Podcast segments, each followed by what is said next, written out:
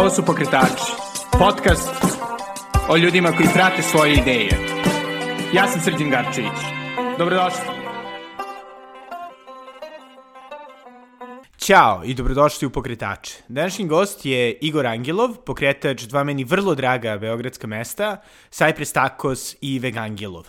Nadam se da ćete u našem razgovoru uživati koliko i u klopi u ova dva sjajna restorana, a takođe bih hteo da vas podsjetim da dužu verziju možete čuti na patreon.com kosacrta Belgrade, gde bi mi isto tako dosta značilo ukoliko biste podržali ovaj podcast. Otkud ideja za takiriju? Pa u principu dugo, dugo se, ovaj, da kažem, ajde, izraz petljam sa, sa tom, nazovi, meksičkom kuhinjom, koja mi je uvek bila do, laka za rad, brza, ima mesta za, da kažem, ajde, da ono, ubaciš uvek svoju neku kreaciju, a, negde nije, nije, ne zahteva sad, nije neka atomska fizika kao neke, da kažem, ono, možeš brzo torti, tortiljati je kao, ne, kao neko polje i sad ti tu možeš šta hoćeš, postoje sad pravila, ne možeš baš da zalaziš negde levo desno, koliko to sad vidim da ljudi znaju malo da lutaju.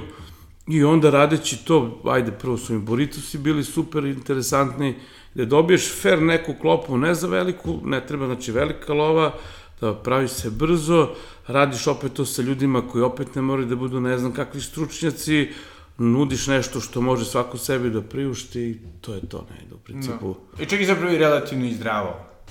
Može se reći, ima uvek puno povrća, imate uvek neke salse, tog nekog. E sad... Bez glutena. Da, može, da. I to da bude kao prednost. S druge strane imaš, imaš opciju recimo kad je ovaj, meksička kuhinja u pitanju dosta liči na našu, ako se izuzme taj korijander koji ljudi stvarno ima dve opcije, ljudi ga ili mnogo vole ili ga mnogo mrze. I sad meni, znaš, ono, kao i, neka budem tvrdoglav, kažem, ne, korijander i ćao, ne zanima me, onda mi 15 ljudi kaže šta je ovo što smrdi na naftu? I onda kažem, ok, ne može, vraćaj nazad. Ovaj, recimo, krivo mi je za avokado koji ne mogu da, sa kojim ne mogu da radim, koji je ultra, ultra je skup i svaki rad sa njim povećava na kraju taj, da kažem, ono, tu cenu i sad ta cena negde izlazi iz tih nekih uličnih, da kažem, ono, proporcija i onda ljudi negde kapiraju, možda su prevareni da je to skupo i svi mi kažu, neću ja na ulici potrošim soma i 200 dinara. Mnogo. Iako dosta ljudi pokušava da to radimo. Da, da. Pa, ne znam, ne znam. Gledaj, sad je, uh, interesantno je kad je, ovaj, što se baš takerije tiče, postoji još ovaj, u gradu i sad polako se pravi neka scena, vidim da ima i neki novi, ovaj, Laborito se nešto zovu, tu je i Burrito Madre, Burrito Madre sam obilazio stalno, negde volim baš Burrito Madre, to mi je sve okej, okay. oni imaju svoj neki, da kažem, ovaj, način kako to rade, ja sam okej, okay, kad napravio neki svoj, kako ja to mislim da... E sad dolaze mi ljudi, recimo, iz LA, odavde, e, kao, brate, si tamo živeo, kao, ista ti klopa. Ja kažem, nažalost, nisam, ono, bit ću, nada se jedno prilikom. A dođu ovi koji su u fazonu, e, kao, mora to da bude kukuruzna tortilja, mora tu korijander, mora ovo, ne mora ništa po meni, ali, znaš, i ta, ta večita šta je pravo, šta nije pravo. Mislim da to je ubilo mnoge mnoge te koncepte, znaš, ono, od kad sam počeo da kuvam, slušam stalno šta je pravo, šta nije pravo. Znaš, postoje standardi, postoje neke stvari sa šta je pravo, to je malo šire, znaš. I, i u krenu slučaju diskutabilno, mislim, ja. šta je poenta, da. mislim, te neke hiperautentičnosti. pa ne znaš šta dobiješ time, slušao sam skoro neku, ovaj, Meksikanku koja, znaš, ono, u, u, priča o autentičnosti te njene kuhinje koju ona radi i u fazonu je kao, iako kao natrčite kao na, na ovaj, Tex-Mex, kao bežite, to nije autentičan. Ne znam, kad dođeš negde, da li dođeš da dobro klopaš ili ti je taj moment autentičnosti presudan. Koga ima super, koga spakuje da to bude i ukusno i, i kvalitetno super, ali mislim da nije u hrani to mislim da nije, nije presudno. A pogotovo na mestima, mislim kao što je jeli, Srbija i uopšte ajde, da. širi region, gde mislim sama naša hrana je zapravo verzija drugih kuhinja. Ne znam, mi smo negde na, ono, ako bi uzeli to šta, šta su naši preci jeli, kako je to bilo i gde to uopšte sad i piše, gde to može da se nađe i šta se sad tačno dešava, znaš, to je po meni jedno ozbiljno gubljenje vremena. Znaš, postoji kao i svemo nešto dobro, loše, postoji nešto zdravo, nešto nezdravo, znaš, to je, to je, mislim, po meni, to traženje nečeg, to je po meni gubljenje vremena, realno. Jer, znaš, ono, sad ti kao, kao kad bi uzeo šta je, nemam pojma, stvari se menjaju neverovatnom brzinom i što bi se sad ti negde zarobio i što da meni sad neko kaže, ej, to mora, ne mora ništa, mo, on, možda biraš. Da. To je u stvari suština. I, I u našem pređašnjem razgovoru si pomenuo zapravo da je da je jedno veliko, bitno poglavlje u stvaranju Cypress Hilla, e, izvini, ne Cypress Hilla, Cypress Tacosa, mada ko zna možda isto, je bilo u, ovaj, zapravo ne u Beogradu, već na Zlatiboru. Da. Da, to je, to je bilo, ovaj, radio sam postavku kaubojskog grada, to je kuhinje u kaubojskom gradu El Paso, gde je... Ne u Teksasu. ne u Teksasu, nego baš na Zlatiboru, jer kad je korona krenula i sve poslovi koji su se ja bavio su negde, to jest ja sam izašao iz tih poslova, to sam negde sve ugasio, rešio da nešto promenim, nisam to hteo više da se bavim time, isto ima veze sa kuvanjem u gostiteljstvom. I onda je bilo, ajde, sad imao sam težak zadatak, pošto sam taj, ovaj, sad malo reklamiram El Paso, taj El Paso je napravljen kao pola je ovaj, srpska varijanta, pola je ovaj, ta kao western varijanta, i kad sam pisao jelovnik morao sam napravim neki kompromis, i levo i desno, i malo teksaške, te, to je tog western fazona i domaće kuhinje. Ja za domaću kuhinju nisam baš nešto u ljubavi, ovaj, znam da je radim, ali ne, ne, ne rado, baš poštujem je sve super. Ne. A zbog čega čisto mi interesuje? Pa nemam, nemam tu, nemam tu prostora, znaš, naši, naši ljudi tu neko, znaš ti ako uhvatiš ćevape, Karadžorđevu, šta god ti, to je to. To mora bude dobro mesto, mora bude sveže, mora, znaš, tu nema neke, nema mesta za neku kreaciju. To je napravljeno tako da ako je od kvalitetnih namirnica, nema greške. I tu počinje i završava se cela priča. S tim što je to, da kažem, kod nas loše, zato što ko, pokuša, sad menjaju se menjaju se mesa, pa se uzima zbog veće zarade, nemam pojma, pa i tu dosta, i tu je dosta po meni izgubila ta, ta hrana, ovaj, baš zbog tog nekog, da kažem, ajde... Ekonomisanja. Ekonomisanja, znaš, i onda ja, ja sam čuo hiljadu puta ovaj, o, o najboljim ćevapima. Ja ne znam šta to treba da se desi, ali u hiljadu tih verzija ovaj, svi pokušavaju da ih dobiju nekim drugim, na, jef, na neki jeftiniji način, a u suštini to je ultra simpli, super neko meso, super kvalitetno, super odležalo kako treba i nema tu greške. Ali onda su tu kao male tajne, ne znam, lojo do... to je sve ovaj, samo bežanje od, samo bežanje od onog što jeste. I tu svaki, Karadžorđevu sada da bi ja kao napravio, nije meni ni ideja da sve što napravim da bude kao autentično, kao to, da se ja potpišem i šta ja sad to kod Karadžorđeva mogu da napravim, nema šta, mora dobar kajmak, mora dobar taj svinski file kako je bilo u startu, dobar panir, čisto ulje u fritezi. ja, to je najveći problem. To, to je najveći problem. I eto dobrog proizvoda. I tu, to je kao kad radiš u fabrici. Uz dužno poštovanje. Ja nisam taj tip, ja štancanje mi negde ne ide, ne volim to da radim. To je to. I onda je bilo šta sad da stavim, da se vratimo na, na El Paso, da napravim jedno i drugo. Ovo se stavio par tih nekih klasika, imao sam tu i neke starije gospođe u kuhinji, one se time bavile. I sad ajmo sad da napravimo nešto šta će biti da Burritos mi je bio negde malo tumač za ovaj, i za posetioce i za, nije mi negde bilo baš to. Tako si su mi bili nešto... A dobro, a koncept tamo je da se sedne i jede. Da, da, Mislim, kao restoran, restoran, nije ono da se uzme pa da se... Da, da sedi da. se i onda fahita sam napravio, koja je opet ta neka, opet njihova, ovaj, ta Tex-Mex, da kažem, varijanta. I to je išlo super i tako se su bili, da kažem, njih sam onako malo i forsirao i gurao i pratio sam šta će da, kako će ljudi da reaguju. I na moje, eto, da kažem, ajde, ono, ja sam se tu baš ono zaprepastio koliko su to i hteli da probaju i išlo je baš onako i najviše se prodavalo.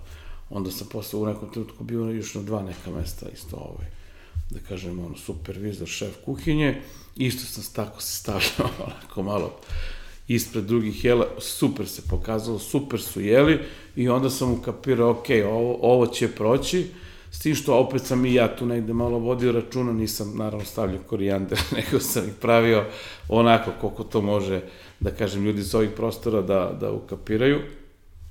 I onda kad je to prošlo, kad sam se vratio posle godine i po dana rada ovaj, na Zlatiboru, bio sam u fazonu, ako je to na Zlatiboru prošlo, gde je za vreme korone su svi bili na Zlatiboru, ljudi iz Beograda, iz, ne znam, ono, svih tu gradova, okolnih država, ne znam, republika, i svi su bili ok sa tim, i kažem, ok, ajde, idemo, pa, i otvorio sam, ajde, kažem, tu prvu, ovaj, takiriju, i naravno u početku, haos, znaš, ono, žali me komšilu kao gleda ga ovaj hrabar je. Da, Stvarno, mislim, pošto ono nije, mislim, ne, u ne, samom centru grada, u Rigi od Fere. Ne, tipično skroz, pored mene pekara koja super radi. Da, kultna da, pekara. Kultna domet, pekara, da. da, koja super radi. Koliko puta su ljudi, pošto smo spojeni, ulaziš su nam tu negde blizu, mnogo i njih je zalutalo i udari kod mene i sad ono iznenade se, kao ne, kao mi smo kod komši, kao sve okej. Okay. Znaš, i onda i trebalo je to izdržati, to je 6-7 meseci sedenja i čekanja. E sad, s obzirom da imam opet neko iskustvo oko tih otvaranja restorana, opet sam iz ugostiteljstva, znam kako to sve funkcioniše, otvarao sam drugima, pa kad sam drugima otvarao restorane, stalno sam im pričao, morate da se strpite šest meseci i godinu dana. Ovaj, imao sam taj neki deo gde, gde sam ovaj, znao da će to doći, ali je trebalo izdržati to i finansijski i imati tu neku volju i održavati to, jer poslovi koji, koji da kažem, ajde, ne rade, koji, ne mogu kažem, umiru, koji tu stagniraju, tu je jako loša atmosfera, tu su zaposleni onako smoreni, tu je sve onako nešto, ti stižu računi, sve to nešto ide, ta ljiga, znaš, treba verovati u tim, da kažem, trenucima. trenucima, ali se uvek pojavi neko kao taj tvoj drug koji, wow, znaš, e, super, bravo, bravo. Znaš, i to ti stalno odzvanje u glavi i kažeš, ma, dobro. I da bi dok se stvorila ta neka, da kažem, ajde, ono, grupa ljudi koja je posle pravio se taj krug, pa, boga mi, nekih 8, 9 meseci, 10. A je li postojala neka, da kažemo, ono, ključna stvar koja je promenila? Mislim, ono, lupam neko da je šerovao ili... Jeste, jeste, imalo i to i tad sam onda video i kolika je jačina u stvari ovih tih ovaj, svih mreža, pa Kito, on je jako poznat sad, on je baš ono, da. food bloger, kako se to već zove. Da, I osnivač Pizzagrama.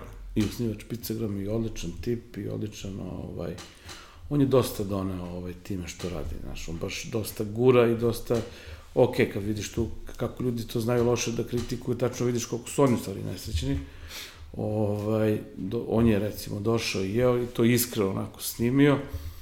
I onda sutra zove me ovaj moj kolega, kaže, brate, šta je ovo, kaže, navalili ljudi, svi jedu tako se. I onda me zove drugar koji u stvari pratio Pakita, pa ga je slao, pošto on tako funkcioniše, on tako, nemam pojma, ide i u komentarima sem tih ovaj, trovača, ima normalnih ljudi, pa mu kaže, otvorilo se nešto novo, idi tamo proba i on ga je poslušao, došao, probao, snimio se i onda ovaj, sledeći put sam ovaj, video isto jačinu TikToka recimo, ajde konkretno, kad je klinac neki prolazio sa, sam kao mama, mama vidi kao Cypress Tacos, kao vidio sam to na TikToku. Znaš. I ja sam se onda pomirio sa činjenicom da to jednostavno je dobro i da je to jednostavno, to danas tako, ja sam malo opet old school, međutim, ovaj, vidim da to jednostavno dobiješ bar šansu, kapiraš. Pa sad jebi ga, ljudi će doći, vidjet će, mnogima se svidi, mnogima se pa i ne svidi, ti od svih tih ljudi napraviš eto tu neku, ovaj... Da. A sami nis, mislim, nemate inače neko ogromno prisustvo na, na društvenim medijima? Ne, ne, ja nisam jednostavno, ovaj, opet kad vraćam se na to, negde mi je taj, da kažem, eto, marketing, to, ljudi koji su, evo, kao i ti sad, kad si me, ovaj, koji si došao, jednostavno od usta do usta, jednostavno to je to negde. Za sada, možda u nekom trenutku, meni jeste ideja da od svega toga napravim franšizu, da napravim više tih lokala, ali za sad je to ovako, ako bude ovaj, nis, i kad su mi dolazili ljudi, kad su mi nudili tu neku, da kažem, nisu me baš uverili. Jer ja i sam još mislim da ima još mnogo toga što trebam da uradim, da bi to tek još počelo da raste. Znači, po, po meni je i tako su i kako su bili u početku i sad kakvi su, ja sam menjao ta, ubacio sam nove, tako se posle, ne znam, par meseci, znači, na, bukvalno na pola godine dodam dva, tri nova proizvoda i treba mi baš bukvalno toliko vremena kad već nešto dodam da bude u tom nekom nivou. Mnogo je to teško, mnogo se, uh, pisanje tih menija i ta, ta slova na papiru i to ubacivanje, izbacivanje, ljudi to mnogo olako shvataju, ljudi to stalno rade, pogotovo sad ti može da dobiješ inspiraciju ideju na, na svakom ćošku. Ali ni jedan dobar recept nisam vidio na internetu. Ja sam 20 godina šef. Mm -hmm. Nijedan dobar, re, gledam stalno, koji svi, iskače mi sve i svašta. Dobio sam dobre recepte od kolega, od napravio sam možda neki dobar recept, nešto sam iskombinovao, inspiraciju, da, ali to kao gledaš negde nešto pa prepišeš to, ne, kao da je prokleto, neprimenjivo je, jednostavno ne može, nema tu jarčinu, jednostavno. Mnogo je tu u suštini, deluje lako, ali napraviti neki taj sklad. Ja kad idem sa svojim sinom, recimo, pa kad klopamo negde nešto i on je pored mene se zarazio, naravno, ja voli sa sve da proba i sve to. Meni je jedino pitanje da li bi došao ponovo. To mi je negde merilo, da li ti je, da li ti je ostalo nešto. Desi se da te nešto oduševi na brzinu, ali ti posle par, pff, negde te prođe i onda kao... Da, da. E sad, da li će tako si ostati kao neki lifestyle? Da li će da, da uzmu ovaj jedan deo koje su uzele pice, pekare? Ja bih volio da se to desi, pogotovo što se otvara mnogo tih sad, ovaj, da kažem, ajde, sličnih ovaj, restorana, street foodova Isto sam taj, taj pojam street fooda, kad sam otvarao firmu, bukvalno sam se posveđao sa čovjekom koji mi je prodavao kasu. Što je kao street food? Što je to sad? Što street food? Pa zato što su fast foodovi već ozloglašeni, zato što su fast foodovi potrošili svoj kredit, po meni. Da, da, da. Znaš, fast food je nešto što ono kao, ideš tu ako nemaš love ili ako nemaš ništa pametnije, nemaš ništa brže, i fast food je nešto čega se svi late u životu, I zato je pao na te najniže grane, bar po meni. Naravno, ima ljudi koji to lepo rade, ali je ne, negde mislim da su tu šansu negde prokockali, jer od ljudi koji su mi prodavali opremu pričaju mi o profilima ljudi koji se eto ohrabre da otvore fast food. Otvoriti fast food je u principu imaš 10.000 eura i sad kao sad, znaš, to je toliko teško za rad. Fast food je tako težak da je to nenormalno. Ja sam sa prijateljem koji je sad pobegao na Tajland, jer je ovaj, na kraju tu otvorio taj fast food koji mu je, koji ga slomio, pa mu je, ajde da kažem, on je bio menadžer u, u, u par baš dobrih restorana i ja kao vajni kuvar i nas dvojice pravimo fast food. Ubeđeni da je to neki level nikakav, šta je fast food u odnosu na restorane gde smo mi bili šefovi. Mi smo takav fijasko napravili, mi smo tako ispromašivali, toliko smo to ovaj, olako shvatili da, da ono, bukvalno, ja od, od, imao sam i taj deo u glavi kad sam otvarao ovo, sve ovo što, sam radi, što radim trenutno i to je iskustvo mi mnogo značilo da nije to baš tako, znaš. Da. A što misliš da je glavni problem kada ljudi pokreću fast foodove? Mislim, i makar vama što je bio glavni problem. Pa glavni problem bio što je način servisa, znači način te robe koju ti, da kaže, hrane koju kupuješ, meni je dobar prijatelj pekar odo veliku tajnu, on je meni rekao da li, znaš, ono, koja je pekara najbolja u stvari, zašto je neka pekara bolja nego druga? Mm, odgovor je mnogo prost, zato što pekare koji imaju mnogo posla, tu su proizvodi vreli, zato što se sve vreme novi proizvod, znači non stop izlaze vrela, vrela peciva, svako vrelo pecivo je ultra uvek ukusno, naravno i da bude korektno napravljeno, ne sad wow, ali da naravno, da, da. ima dobra taj fil i to sve što treba. Najbolje pecivo koje neko napravi, probaj ga posle pola sata. Nema tu više toga, nema te draži, jednostavno se ohladilo i ono je dobro dok je vrelo i dok je vruće. Ok, postoje te, da kažem, ajde, tople vitrine koje održavaju to, ali ne, to posle nekih 15-20 minuta više nije isti proizvod. I sad možeš misliti kao šta je sa picom koja stoji sat i po vremena u fast foodu. To je jedno polu toplo hladno oružje, ne znam, ono, to više nije hrana, to je ne. I to je nešto što je za, za znači za fast food je jako, jako je lo, taj, taj da kažem, to što čo, jako je to jeftino. S druge strane, taj fast food ima, ima svoja pravila, taj hrana mora bude ultra jeftina. Šta napraviti tako jeftino, da ćeš i ti zaraditi, da, da čovjek koji tu kupuje nije prevaren, mnogo je, mnogo je teška akcija da se sprovede, da to bude uspešno, da to bude dobro.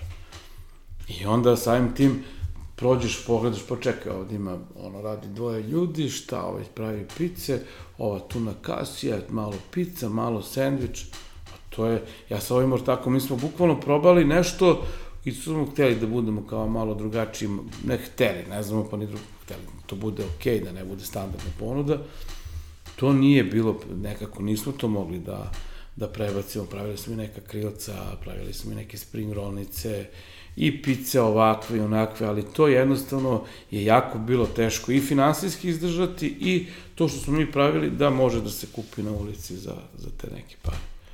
Da, delo je da je bilo i suviše onako difuzno. Mislim da je bilo svega i svačega, ne? Ne, ne samo to. Bilo je to, nismo to što smo nudili mogli da, da, da održimo taj kvalitet cene. Znači, jednostavno to što smo mi hteli da radimo nije moglo da se prodaje lupamo za 70 dinara u to vreme, a da pritom ima neku, da kažem, ajde, da se plati kirija, struja, radnici. Jednostavno, taj proizvod tu je uvek jeftin i to, mo, to mogu da rade ono, majstori, pekari, pizza majstori, ljudi koji mogu da budu tu, da sebi naprave neku paricu, da plate to pretežak posao i to je ono što je svako od nas video tih fast foodova ima milijardu koje se stalno zatvaraju otvaraju u krug, u krug, u krug. I to je i svako ko ne zna, eto, iz ugostiteljstva, ljudi koji kad kao dosade neće više da rade kod nekog, otvorit ću ja sebi fast food. Uključiš topericu, 5-6 meseci, kraj. Rekao si da je ta istrajnost ipak da. izrazito bitna, jel? Recimo ono, sad da, da znaš nekoga ko je otvorio fast food, da mu nešto ne ide. Dobro. Šta bi mu rekao, ovaj, kako da zna da treba da nastavi? Jel postoji nešto, pa ne, pošto ono, da. realno plaćaš, ne znam, račune, ok, naravno najočigledniji, e, najočigledniji razlog da zatvoriš je što ti istekne kinte, mislim. Da, da. Jel, bankrotiraš, ili sve u samom taj projekat ti, ti bankrotira. Ove, ali što bi rekao, šta, šta je indikacija da treba da nastaviš zapravo? Ako već nemaš ono, finansijske uspehe, nemaš neku popularnost. Ne znam, jako teško pitanje.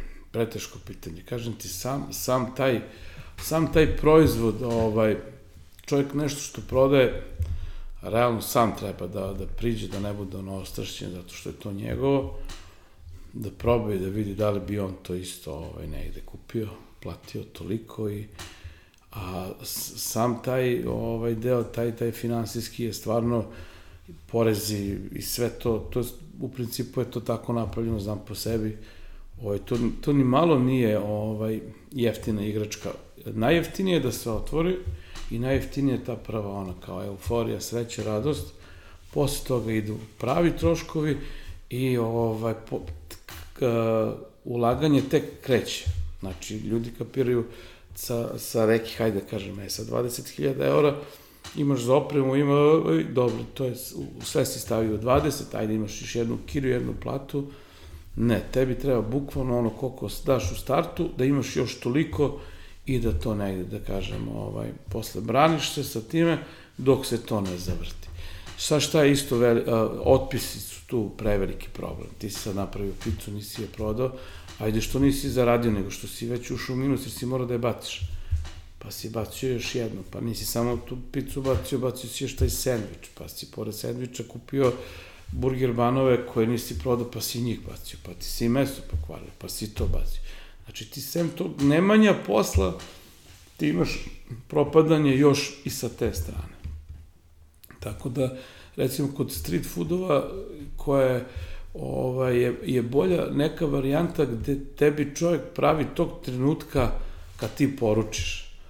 ti sad poručio takos, on tebi tog trenutka pravi. Ok, napravi, postoji nešto što je već u pripremi, ali to su neke male količine, bile bar u početku, gde ti negde proceniš, ima i tu nekog bacanja, ali nema prevelikog. Ti sad kad bi jednu picu, recimo, ako napraviš od, lupam, 32 prečnika, sigurno ćeš tu potrošiti nekih 300-400 dinara.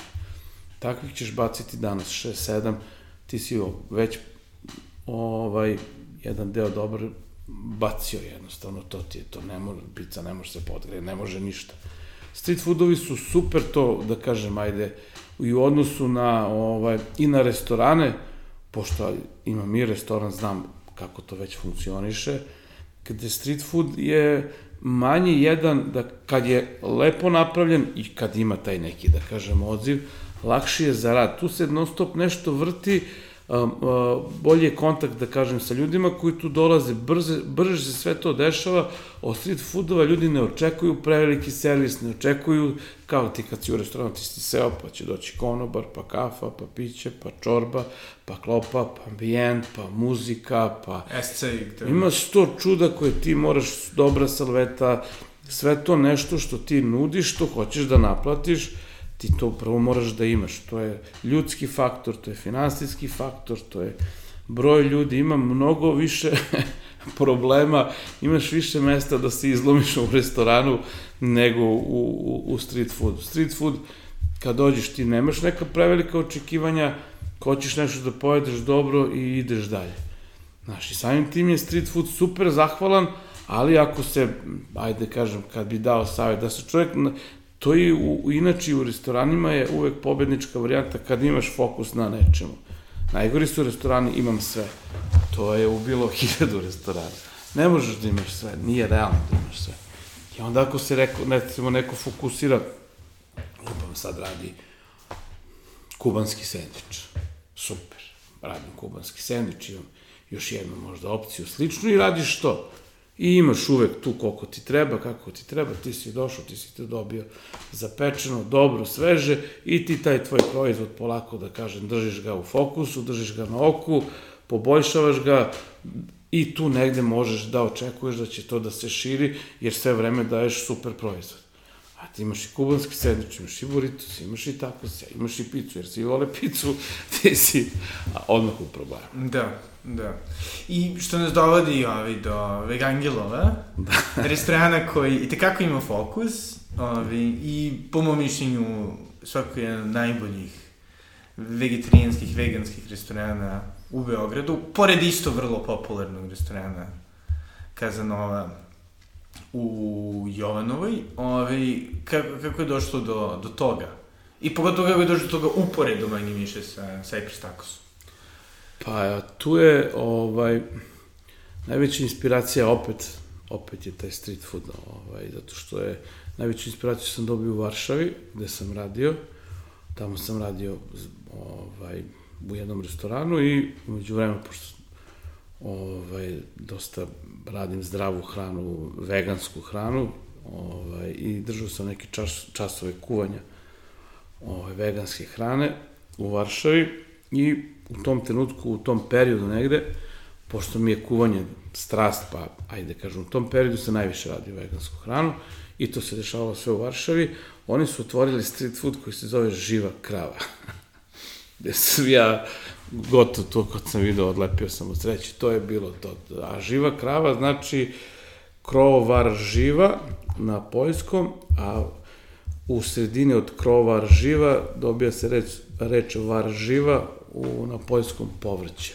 Mm -hmm. Super smišljeno, super koncept, ulaziš unutra, tu su uh, ovaj, taj peti koji je od kinoe, od leblebije, od, od sočiva, već je napravljen, podgreva se u salamanderu, ovaj, kao i burger banovi, tu postoji par tih nekih priloga, ulaziš, ista varijanta, isto je street food, isto tu rade neki onako malo, da kažem, ono, istetovirani, veseli ljudi. Hipsteri. Hipsteri, da, kratko, kratko rečeno. Super je muzika, super je klopa, super je priča, super je, i to ono što je me najviše kupilo, što nije, nije ono od hipstera do do poslovnjaka, do sportista, svi su unutra. to mi je uvek fascinantno za svaki koncept, da tu nema ono kao ide samo jedna vrsta ljudi. I to kad sam vidio, to sam bukvalno rekao, to je to. E sad, to je bilo 2014. 15. negde, gde sama pomisao da ću otvoriti nešto vegansko u Beogradu je bilo ono, svi su mi se smejali kao vrst, ti kao, znaš ti gde živiš, ne može. I onda je, ovaj, kad sam, to kad sam se vratio sa Zlatibora, kad sam pokrenuo ovaj, Cypress, to jest malo ranije sam pokrenuo uh, Vegangelov, iz prostog nekog razloga, ajde da kažem, tu sam dobio neki lokal koji je već bio gotov, pa nisam imao nikakve radove. Promenio sam ono. Je bivši celer. bivši celer.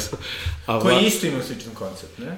Pa im, nije, on je, on je ovaj, jedino što je imao, tu sam ja malo pomagao u, u kumovanju oko imena Celer, jer je vlasnik samog lokala moj prijatelj. Aha. I onda sam mu ja pomagao oko tog restorana, inače sam ovaj, bavim se tim nekim konsaltingom oko otvaranja restorana, pisanja menija, oboki kuvara. I super su mi prijatelji, sve i on mene pita kao, ovaj, da se zove Celera. Ja uveliko bi u povreću, u, super, može. I mnogo mi ljudi zalutalo zbog tog naziva Celer. A, okej, okay, da. kapirali su da, kapirali su da, da je to vegetarijanski restoran. Čak su imali jedan sendvič koji sam ja napravio u to vreme kad sam baš u, u, uveliko ulazio u zdravu hranu. Ovaj, oni su ga krstili Igor Sandvič po mom imenu. Ove, to je bio sendvič od, od integralnog hleba sa namazom, od, od, od, od golice i ovaj, nekim povrćem puno salate. I tad sam ja nešto se borio da, da tako nešto prođe, međutim taj sendvič nije doživao nikakvu popularnost, stavo nešto je u godinu dana možda su prodali tri komada. Ovaj, ali eto, vratio sam se kasnije da, da popravim situaciju. I opet vraćam priču, znači ono što sam ja, ove, što se meni svidelo, što je meni bilo dobro i, i, i lako za rad i da bude produktivno, na neki način sam tu živu kravu, da kažem, ovaj, sproveo na svoj opet način, znači taj neki model gde su ovaj, burgeri, repovi i salate sa nekim sličnim ovaj, stvarima, samo drugačije spakovani, gde si ti u, u početku dobio falafel u obliku salate, falafel u obliku burgera, falafel u obliku rovnice. I samim tim, pošto je to nova priča, novo mesto uvek, mislim to je bar moje neko pravilo, se kreće sa malim menijem, sa malom ponudom, da bi to bilo brzo, sveže, da bi moglo da, da bude fokus tu, da se to prati, da bi, jer nerealno je otvoriti nešto novo za koje niko nikad nije čuo i sad si ti tu stavio veliku lepezu svega, nećeš naravno imati posla, propadaće hrana, bit ćeš prinuđen da daješ hranu koja nije sveža, prevelik problem. E sad, bilo je ljudi koji su se oduševljavali kad pročitaju da vide da su u stvari, ja sam imao u stvari tri jela na tri načina, ali si ti tu u, u svaku, u, ta jela su o, u osnovi bila ista, ali ako voliš burger, poješćeš burger, ako voliš vrep, ako voliš salatu da nema, znači tog hleba. O, da. s tim što ja opet sam tu opet napravio varijantu gde mi se nije sviđalo u zdravoj hrani da se pojavljaju burger banovi, pa sam te umesto burger banova ovaj, pravim neki dalje, taj, taj jelovnik dalje postoji, s tim što sam dodao još novih jela, gde je taj, nazovi burger ban od uh, belog kukuruznog brašna i crvenog, i gde ja tu napravim neku, neki mali pet, to jest neki mali burger ban koji najviše liče nekoj, da kažem, američku palačinku i ultra je zdrav, u sebi ima kurkumu, ima semenke, ima kukuruzno brašno i, ovaj, i opet taj neki, da kažem, ovaj model tog street fooda me tu spasio, jer sam gostio imao u početku 0, 2, 3, ma, i u početku su samo stranci počeli da se vraćaju, Google mi je naravno mnogo tu pomogao, I eto, još jednom da kažem, isti neki princip gde, ovaj, opet kao neki savet, gde sam to samim tim što sam imao troškove kirije, radnika i svega, bar nisam imao ta neka bacanja, nisam imao te neke probleme i to što sam radio, radio sam dobro, jer to što sam nudio, mogo sam negde da kontrolišem u toj nekoj, kažem, malim, tim malim dimenzijama. Eto. Pričao si kako si se okrenuo ovaj, zdravoj hrani da. ili svakako uh, biljnoj hrani. Kada je to krenulo da te inspiriš?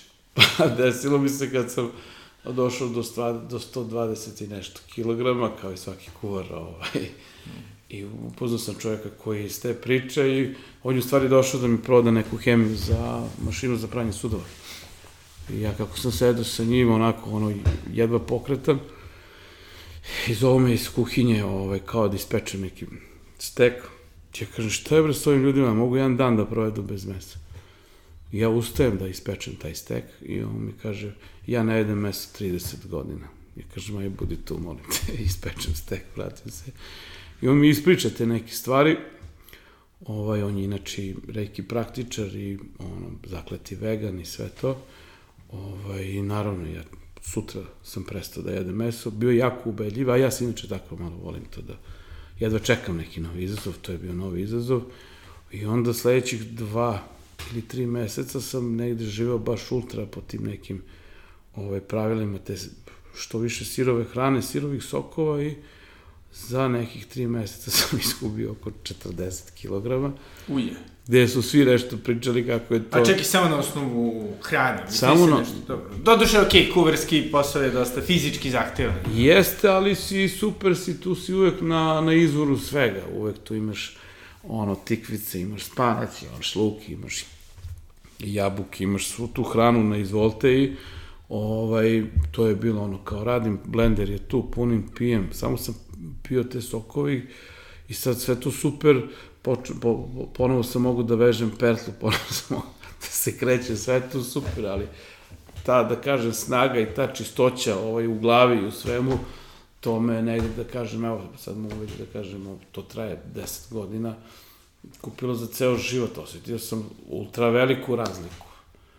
Ja i dan danas sam, ovaj, da kažem, u tom nekom fazonu, s tim što opet, ok, odem, pojedem sladoled, pojedem kao i svi drugi ljudi, sve i svašta negde eksperimentišem, ali uvek gledam da mi je to bar nekih 60% ishrani i kad, kad se negde, da kažem, ono, krenem tako da ovo, i nabacujem kilažu i da, da radim neke stvari koje nisu okej, odmah blender, odmah zeleniš i bukvalno treba 7 dana da bi se čovjek opet vratio u super formu.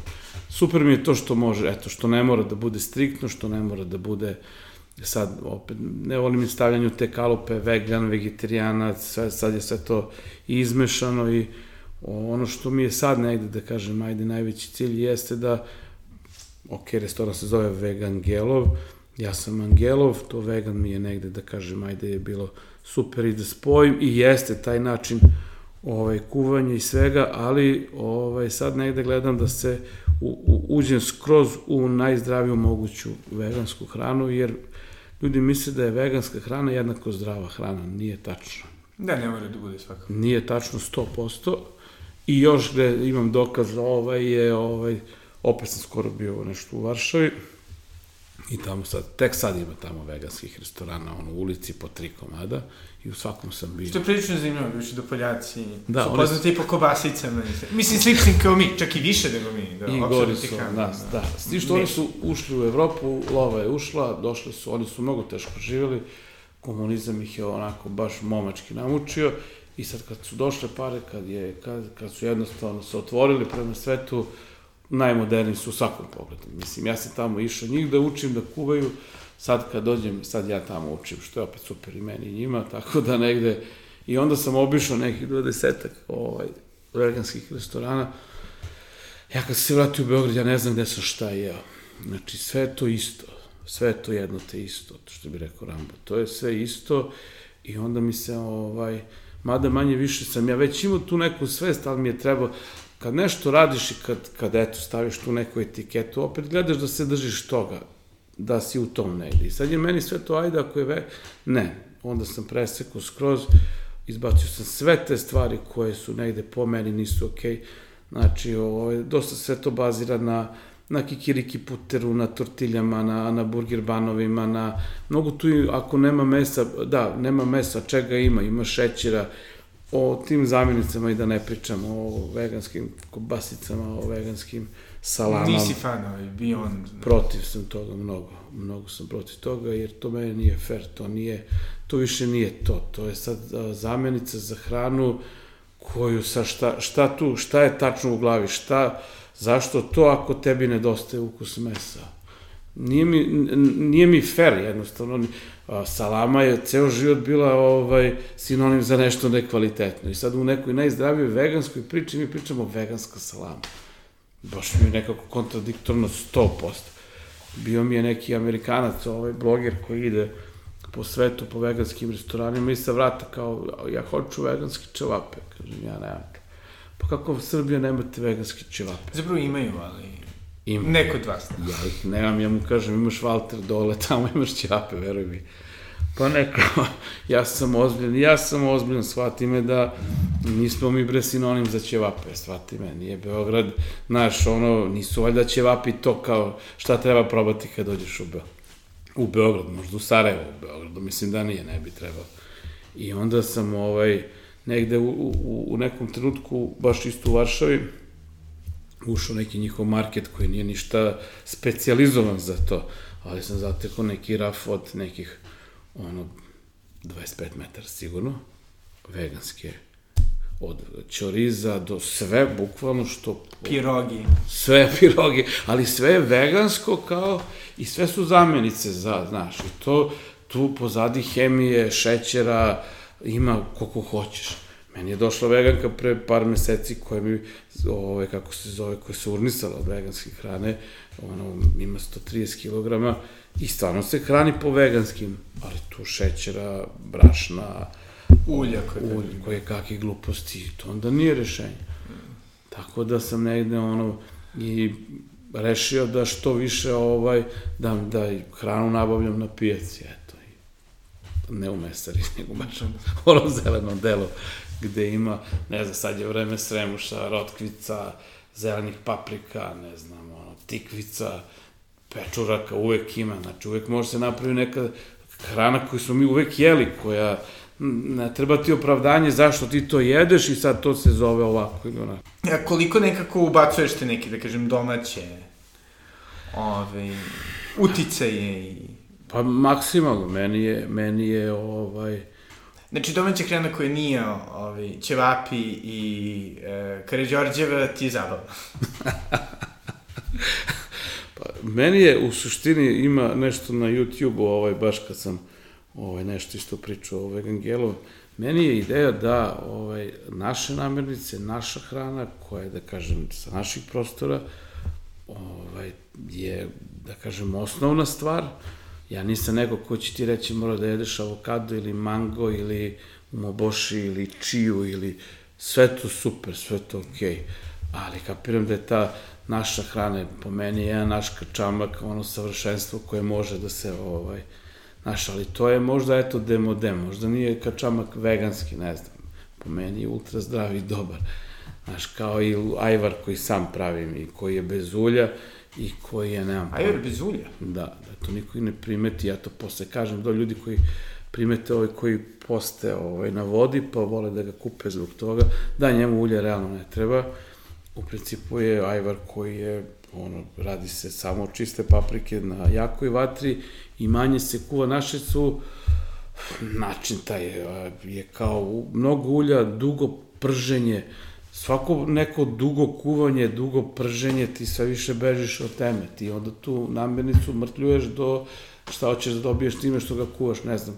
Meso mora dugo da se, da se sprema da bi omekšalo, to je nešto drugo, ali šta ostane od jedne tikvice ako je peglaš ili od paprike ako je kuvaš 5 sati, šta si dobio tačno? Dobio si sećanje na papriku.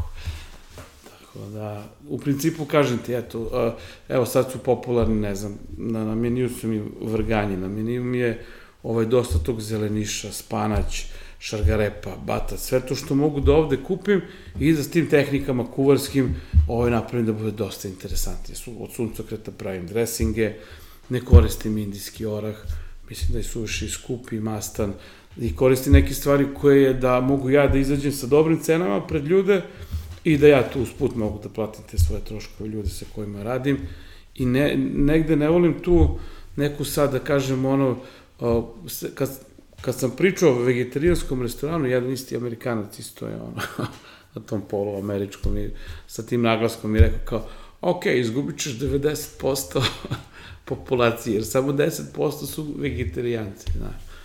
E, međutim, i to mi da, stalno prolazi kroz glavu, sada da bude da se hvalim, meni su sad najmanje gosti vegani i vegetarijanci. Meni su manje više, kako vreme prolaze, svi gosti. Jednostavno, ljudi koji shvate da pojedu tu, jer nema tog nekog naglašavanja, prenaglašavanja, znaš. I tu je u stvari najveći problem kod veganske hrane, što se to, ajde što je trendi, ajde što je, da se razumijem, to je jedna super stvar i, i, i biljna hrana je sup, i sve to ima jednu super zdravu i plemenitu osnovu, znači to je nešto što treba da postoji, ali kad se tu pomeša malo moda, malo nekih drugih stvari, zna da bude onako malo pretencijozno, zna da bude malo arogantno, zna da bude, dešavalo mi se da ljudi sa kojima radim, ljudima nešto sad tu pričaju, šta, ne, ne treba, nije, nije tu redu sad nekog, dođe gost i samo ti pričaš zašto ti jedeš ovo, zašto, ne, to, ima ko je završio školu. Dobro, da duše postoje, ovi, postoje gosti, čak i ja ponekada, ovi, koji vole da odu u neke ugostiteljske, a, na primjer, hipsterske kafiće i hipsterske restorane, da ih neko ponižava, gleda s visine. to je usluga koju se dodatno plaća. ali vi, ali vi je ne možete, to je dobro, da. Nema tu usluga, to je. I izuzev širenja, jel, sve pristako se sada su i u velikom food hubu u Staklencu, ove, jel, koji su još planovi za, za ekspanziju ili ima nešto? Pa, čemu plan- da se radimo? Pa, Novi Beograd, Novi Beograd sigurno, ovaj, eventualno još jedan na Zvezdari ili na Vračaru i ovaj, za sad to bi bilo to. To je nešto što sad ja mogu sa tom nekom. Vegan Gelov neće da, da se širi ili hoće? Pa, mislim da, mislim da neće. Okej, okej. mislim da neće, ovaj, jer je, ovaj, Cypress Tacos je u suštini dosta, dosta je lakši za rad i to je negde, da kažem, ajde, ono, jedan jednostavniji koncept i da kažem, ajde, ovaj, negde, negde su tu i ulaganja i, utro, i, i, i, i troškovi sve su dosta manji, jer je, uspeo sam da ga svedem na, na par ljudi, jedan dan je nedeljno je zatvoren, ne traži velike prostore, ne traži puno toga da bi mogo dobro da funkcioniše. Sad restorani zdrave hrane, to jest ovaj, veganski, to sve, to je već malo, malo skuplja igranka, to traži dosta ovaj, i ulaganja i posvećenosti. Ja sam tamo bukvalno ono, rob non stop, mnogo više vremena tamo provodim, mnogo više moram da pratim i namirnice, i svežinu, i prodaju, i kuvanje. Ima tu mnogo stvari da, koje treba da se ispuštuju da bi ta hrana, o, mnogo je komplikovanije za rad. Trenutno nemam snage, možda se desi za, za ovaj, neko širenje, ali ovaj, sa ovim iskustvom i možda za par godina kad se to bude, da kažem, kad bude postalo to kao neki lifestyle, Da. ovaj, kao i za te tako se, da kažem, kad to ljudima uđe u neku naviku, ali da bez onog, koliko puta sam vidio ljudi koji zalutaju vegangelom, ono, bukvalno uplašeni, ne znaju šta će da im se desi.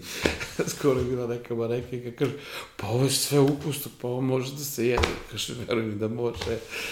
Znaš, i sad sve negde tražim ne, nešto između gde, ovaj, znaš, sklonio bi svaku etiketu, sklonio bi sve što, na, ono, da kažem, ajde, ono, ugostiteljsko mesto gde dođeš da klopaš bez ikakvih tih sad, ono, predrasuda, nalepnica, evo, ne, jednostavno mesto gde pojedeš zdravu klopu i tako je to meni negde u mojoj glavi i krenulo. E, onda posle ide to etiketiranje, ali to ide posle od ljudi, od gostiju, znaš, to je onda negde te posle gosti sami stave gde oni misle da, da ti pripadaš. Da. Ne, I, ja li pomenuo si da si skoro bio ponovo u Varšavi, jel, mislim i inače po svetu ove, jel si vidio neke, da kažem, tebi nove zanimljive trendove, što u ugostiteljstvu, što, jel, u samim jelima?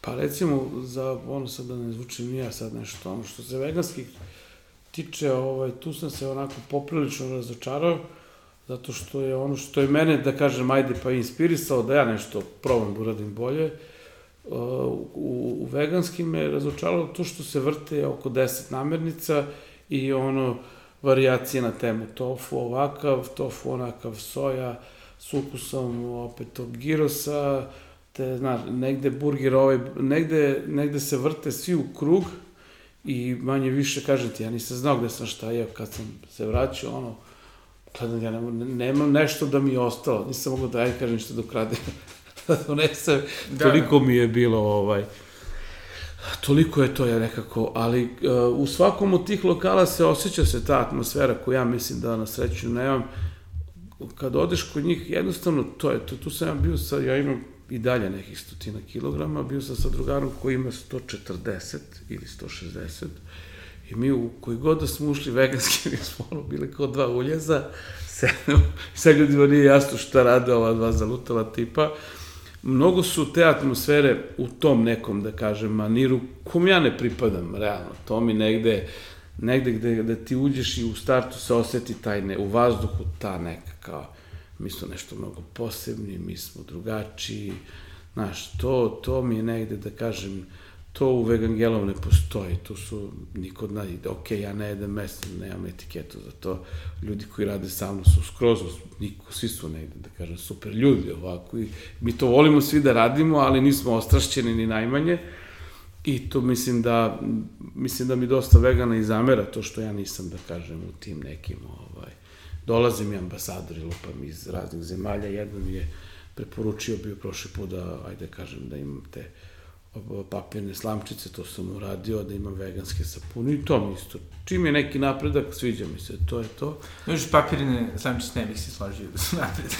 Eto, i sad imam staklene koje sam dobio iz Belgije i sad sam, ajde, sad sam njega pobedio, sad mogu, treba da ga zovem da mu javim da imam bolje rešenje za njega kao supervizora.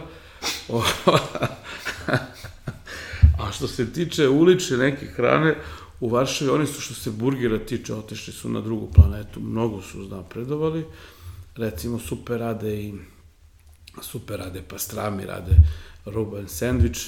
Dobro, što, je, što bi trebalo da, da je tamo... Ali to će da. se pojaviti sad uskoro pastrami i ruben sandvič, pošto otvaram još jedan lokal zajedno sa vlasnicima Blaznavca. O! Da, da. Blaznavac kao Blaznavac već postoji. S tim što je Blaznavac od mene kupovao, ovaj, kupuje i dalje ovaj, iz, iz, iz Evangelov kupuje, kupuje ovaj klopu, to jest servira se kod njih, imamo saradnju i onda se sa vlasnicima, ajde kažem, združio i sad otvaramo zajedničku jednu kuhinju koja će biti u sklopu Blaznavca, ali imaće i prilaz s ulice, sad je najveća muka kako to da se nazove, znaš, pošto je vlasnik arhitekta i prevelik kreativac, pa vidi se i po samom Blaznavcu da je čovjek ovaj, O, I sad je tu negde, tu će biti Ruben sandvič, ti si živo, ovaj, to je živeo preko ovo, ono, znaš sigurno čemu se radi, da. bit će i pastrami i pravim još jedan sad nov... Ajde se možda i biglove da ubacite, da bude kao omaž jevrijskom dorću ili... Biće ono slika Moša Pijadi. tamo, tamo. Ili paruha koji su živjeli u ulici u jedan deo će biti, ajde da kažemo, taj ovaj, jevrejski, onda o drugi deo će biti sad ti novi, novi, skroz ta neka nova linija burgera, i jedan deo će biti opet tog nekog Tex-Mexa, ali gledat ću da stvarno ne liči na, na Cypress Tacos, imam neku opet, opet svoju neku verziju svega toga, to je negde ono... Će pot... biti Metallica Tacos. neće, neće ovo sledeće, možda bude ono posle, posle Cypressa mi je Tom Waits bio, ovaj, A, može. Ne, ne može. Biće, ovaj, nemam pojma. Bit, tako si će biti, da kažem, manje više, ovaj, isto Tex-Mex, ali ću stvarno gledati da ne liče ni na, na ove izvorne, ni na ove koje sad imam, nego neka treća, ajde, kažem, verzija. Da, biće, biće sigurno, biće sigurno, ovaj, kako se, uh, oni koji se zapeče, ultramodern uh, birja, tako se. Da. I Birja tako ne postoji dalje u Beogradu, tako da će biti interesantno, ajde, moći će to. Tako da, eto, ovaj, to, je, to je sledeće, pa eto, vratit ćeš, naravno, javit ću ti kad bude, da. kad se bude ovaj, otvorilo. Da, i, i dobro, čini se nekako ovaj, u Beogradu ovaj, kulinarska scena baš dosta promenila, jeli, u proteklih 20 30 godina. E, šta bi sada savjetovao nekome ko, ko ulazi u, u kulinarstvo? Mislim, pričali smo pre ovoga kako se, nema smisla da ti saveti ljudima, ali... Da. Pa ne ili jedna, ili jedna vredna stvar koju si ti naučio u, u tvojoj dugoj karijeri. Pa meni je ovaj, ja sam u kuhinju ušao sasvim, sasvim slučajno. Ovaj, ušao sam tako što sam nešto, aj moram u životu da počnem i da radim. I onda sam negde bio fazonom, pa ajde kao ljuštiću tamo neki krompir, praću neki sudove, da će mi nešto da klopam, pa nešto ću aj to kao da Međutim, ja kako sam tu to radio, usput pomagao kuvaru, meni je kuvar stalno pričao kao ti si rođeni kuvar, baš si talent. Ja sam mislio... Zbog čega, mislim... Pa on mi mislim, da... Mislim, da je istina, ali... Pa zato što, recimo, on njega mrzi i onda mi da da njegov deo posla. Mnogo je lako, kapiraš. Ja sad umesto da on uzme tamo da tranžira nešto, on puši ovaj pravi pauzu da, da, da. i ja sad do meni da, recimo, sećam se neku piletinu nešto pokaže, ja uradim. Ja ga zovem gotovo, kao, u, kao dobro, aj sad tamo nema problema, pokaže on meni, ali se skloni i kad nema posla ti radiš kuvarske poslove, kad ima ti pereš sudove i pomažeš, dodaješ, tu si mali od palube. Međutim, sve što mi on dao da, da uradim, ja sam negde to, a ja pre toga nisam ni jaja pržio. Ja sa kuvanjem apsolutno nikad nikakve veze, ni u kućnoj varijanti. Obično ljudi vole kući da kuvaju, ja ni to nisam imao za tim neku želju nikad. Međutim, to je tako išlo do nekog dela gde je on posle i kidno i sad se frka panika, mali od palube ostaje tu, to je ja jedini kuvar, Ovo, išao sam na, na, na posao, ono, tresao sam se u travaju od straha, vrtel, jednom ja posle dva meseca rada, cela kuhinja na mojim plećima, a pre toga iskustvo nula. I, ajde kažem, to sam negde savladao i negde je krenulo to da me sve više nešto interesuje. E onda sam posle upisao kurs, upisao sam školu, onda sam volontirao negde recimo gde čujem da je dobra klopa, ja tamo volontiram, radim bez love, to naši ljudi vole da dođeš da radiš besplatno, svima je bilo dobro, ja radim za dž, oni imaju tu neko koji završava te poslove. I imao sam taj neki deo sad, ja tu ljuštim luk, ovo ono, ali vidim kako se pravi pizza, testo i šta sad, ono, od predaleko. Poenta je da to voliš, to je jako teška reč sad i koliko može čovjek da bude iskren da zna u tim nekim godinama šta voli, šta ne, to je stvarno preteško. Ja sam posle sa klincima kad su mi dolazili na praksu iz škole, pitam ih dobro sad zašto ste vi ovde u kuhinji, više su mi smetali nego što su bili na praksi. Ja volim da kuvam, ja ovo, ja ono. Kažem super, volite da kuvate, zato ste upisali da, odlično. Kreće posao, gužo, ja dam jednom ovo, svi se razbeže I on je čak i priznao, njemu sam i pomogao, on je bacio onaj tiganj i rekao mi je, bre, gledaj, ja ovo mrzim iz nad duše. Otac me naterao da upiše kuvarsku školu, da rekao mi je kao idi da budeš ono, uči kuvarsku školu, tu su dobre pare, ja volim da igram futbol. Dete se više nikad nije pojavilo, što je super.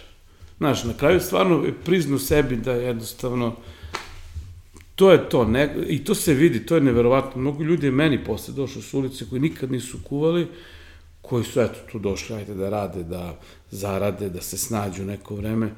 Fascinantno je bilo da sam neki ljude posle 7 dana bukvalno nastavimo da radimo kao da je on kuvao ceo život, a dešavalo mi se sa profesionalnim kuvarima koji imaju za sebe koje kakve karijere da nisu mogli da sastave dve stvari, da nisu imali ideju. Dolazili su ljudi sa brodova, recimo, ja sam njih uvek nešto kao volio da zapošljavam, kapirao sam, radili su na brodovima, videli su svašta, međutim, ja mu dam terijaki, povrće i meso, on kao šta radim ja s ovim. Pa kažem samo da sastaviš.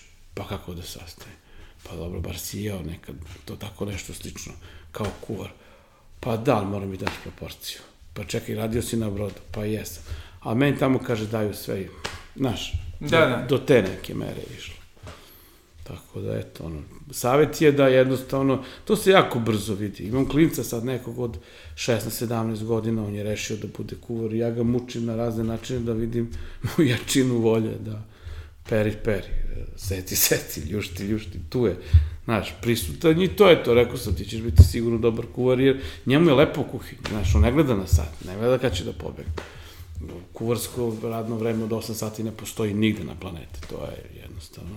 I to opet treba da budeš glava neka, ja dosta se, ovo, imam prijatelja ovaj, u Belgiji, tamo kod njih nešto isto idem, pa oni dolaze, pa kuvamo, menjamo levo desno i iste priče i tamo, njihovo ugostiteljstvo i njihov nivo to već za nas to isto neka druga planeta, iste priče i tamo, oni rade, s tim što je kod njih ok, spoje dva dana budu slobodni, ali to je od, od ujutru do uveče, tu nema ono, ne, ne postoji satnica.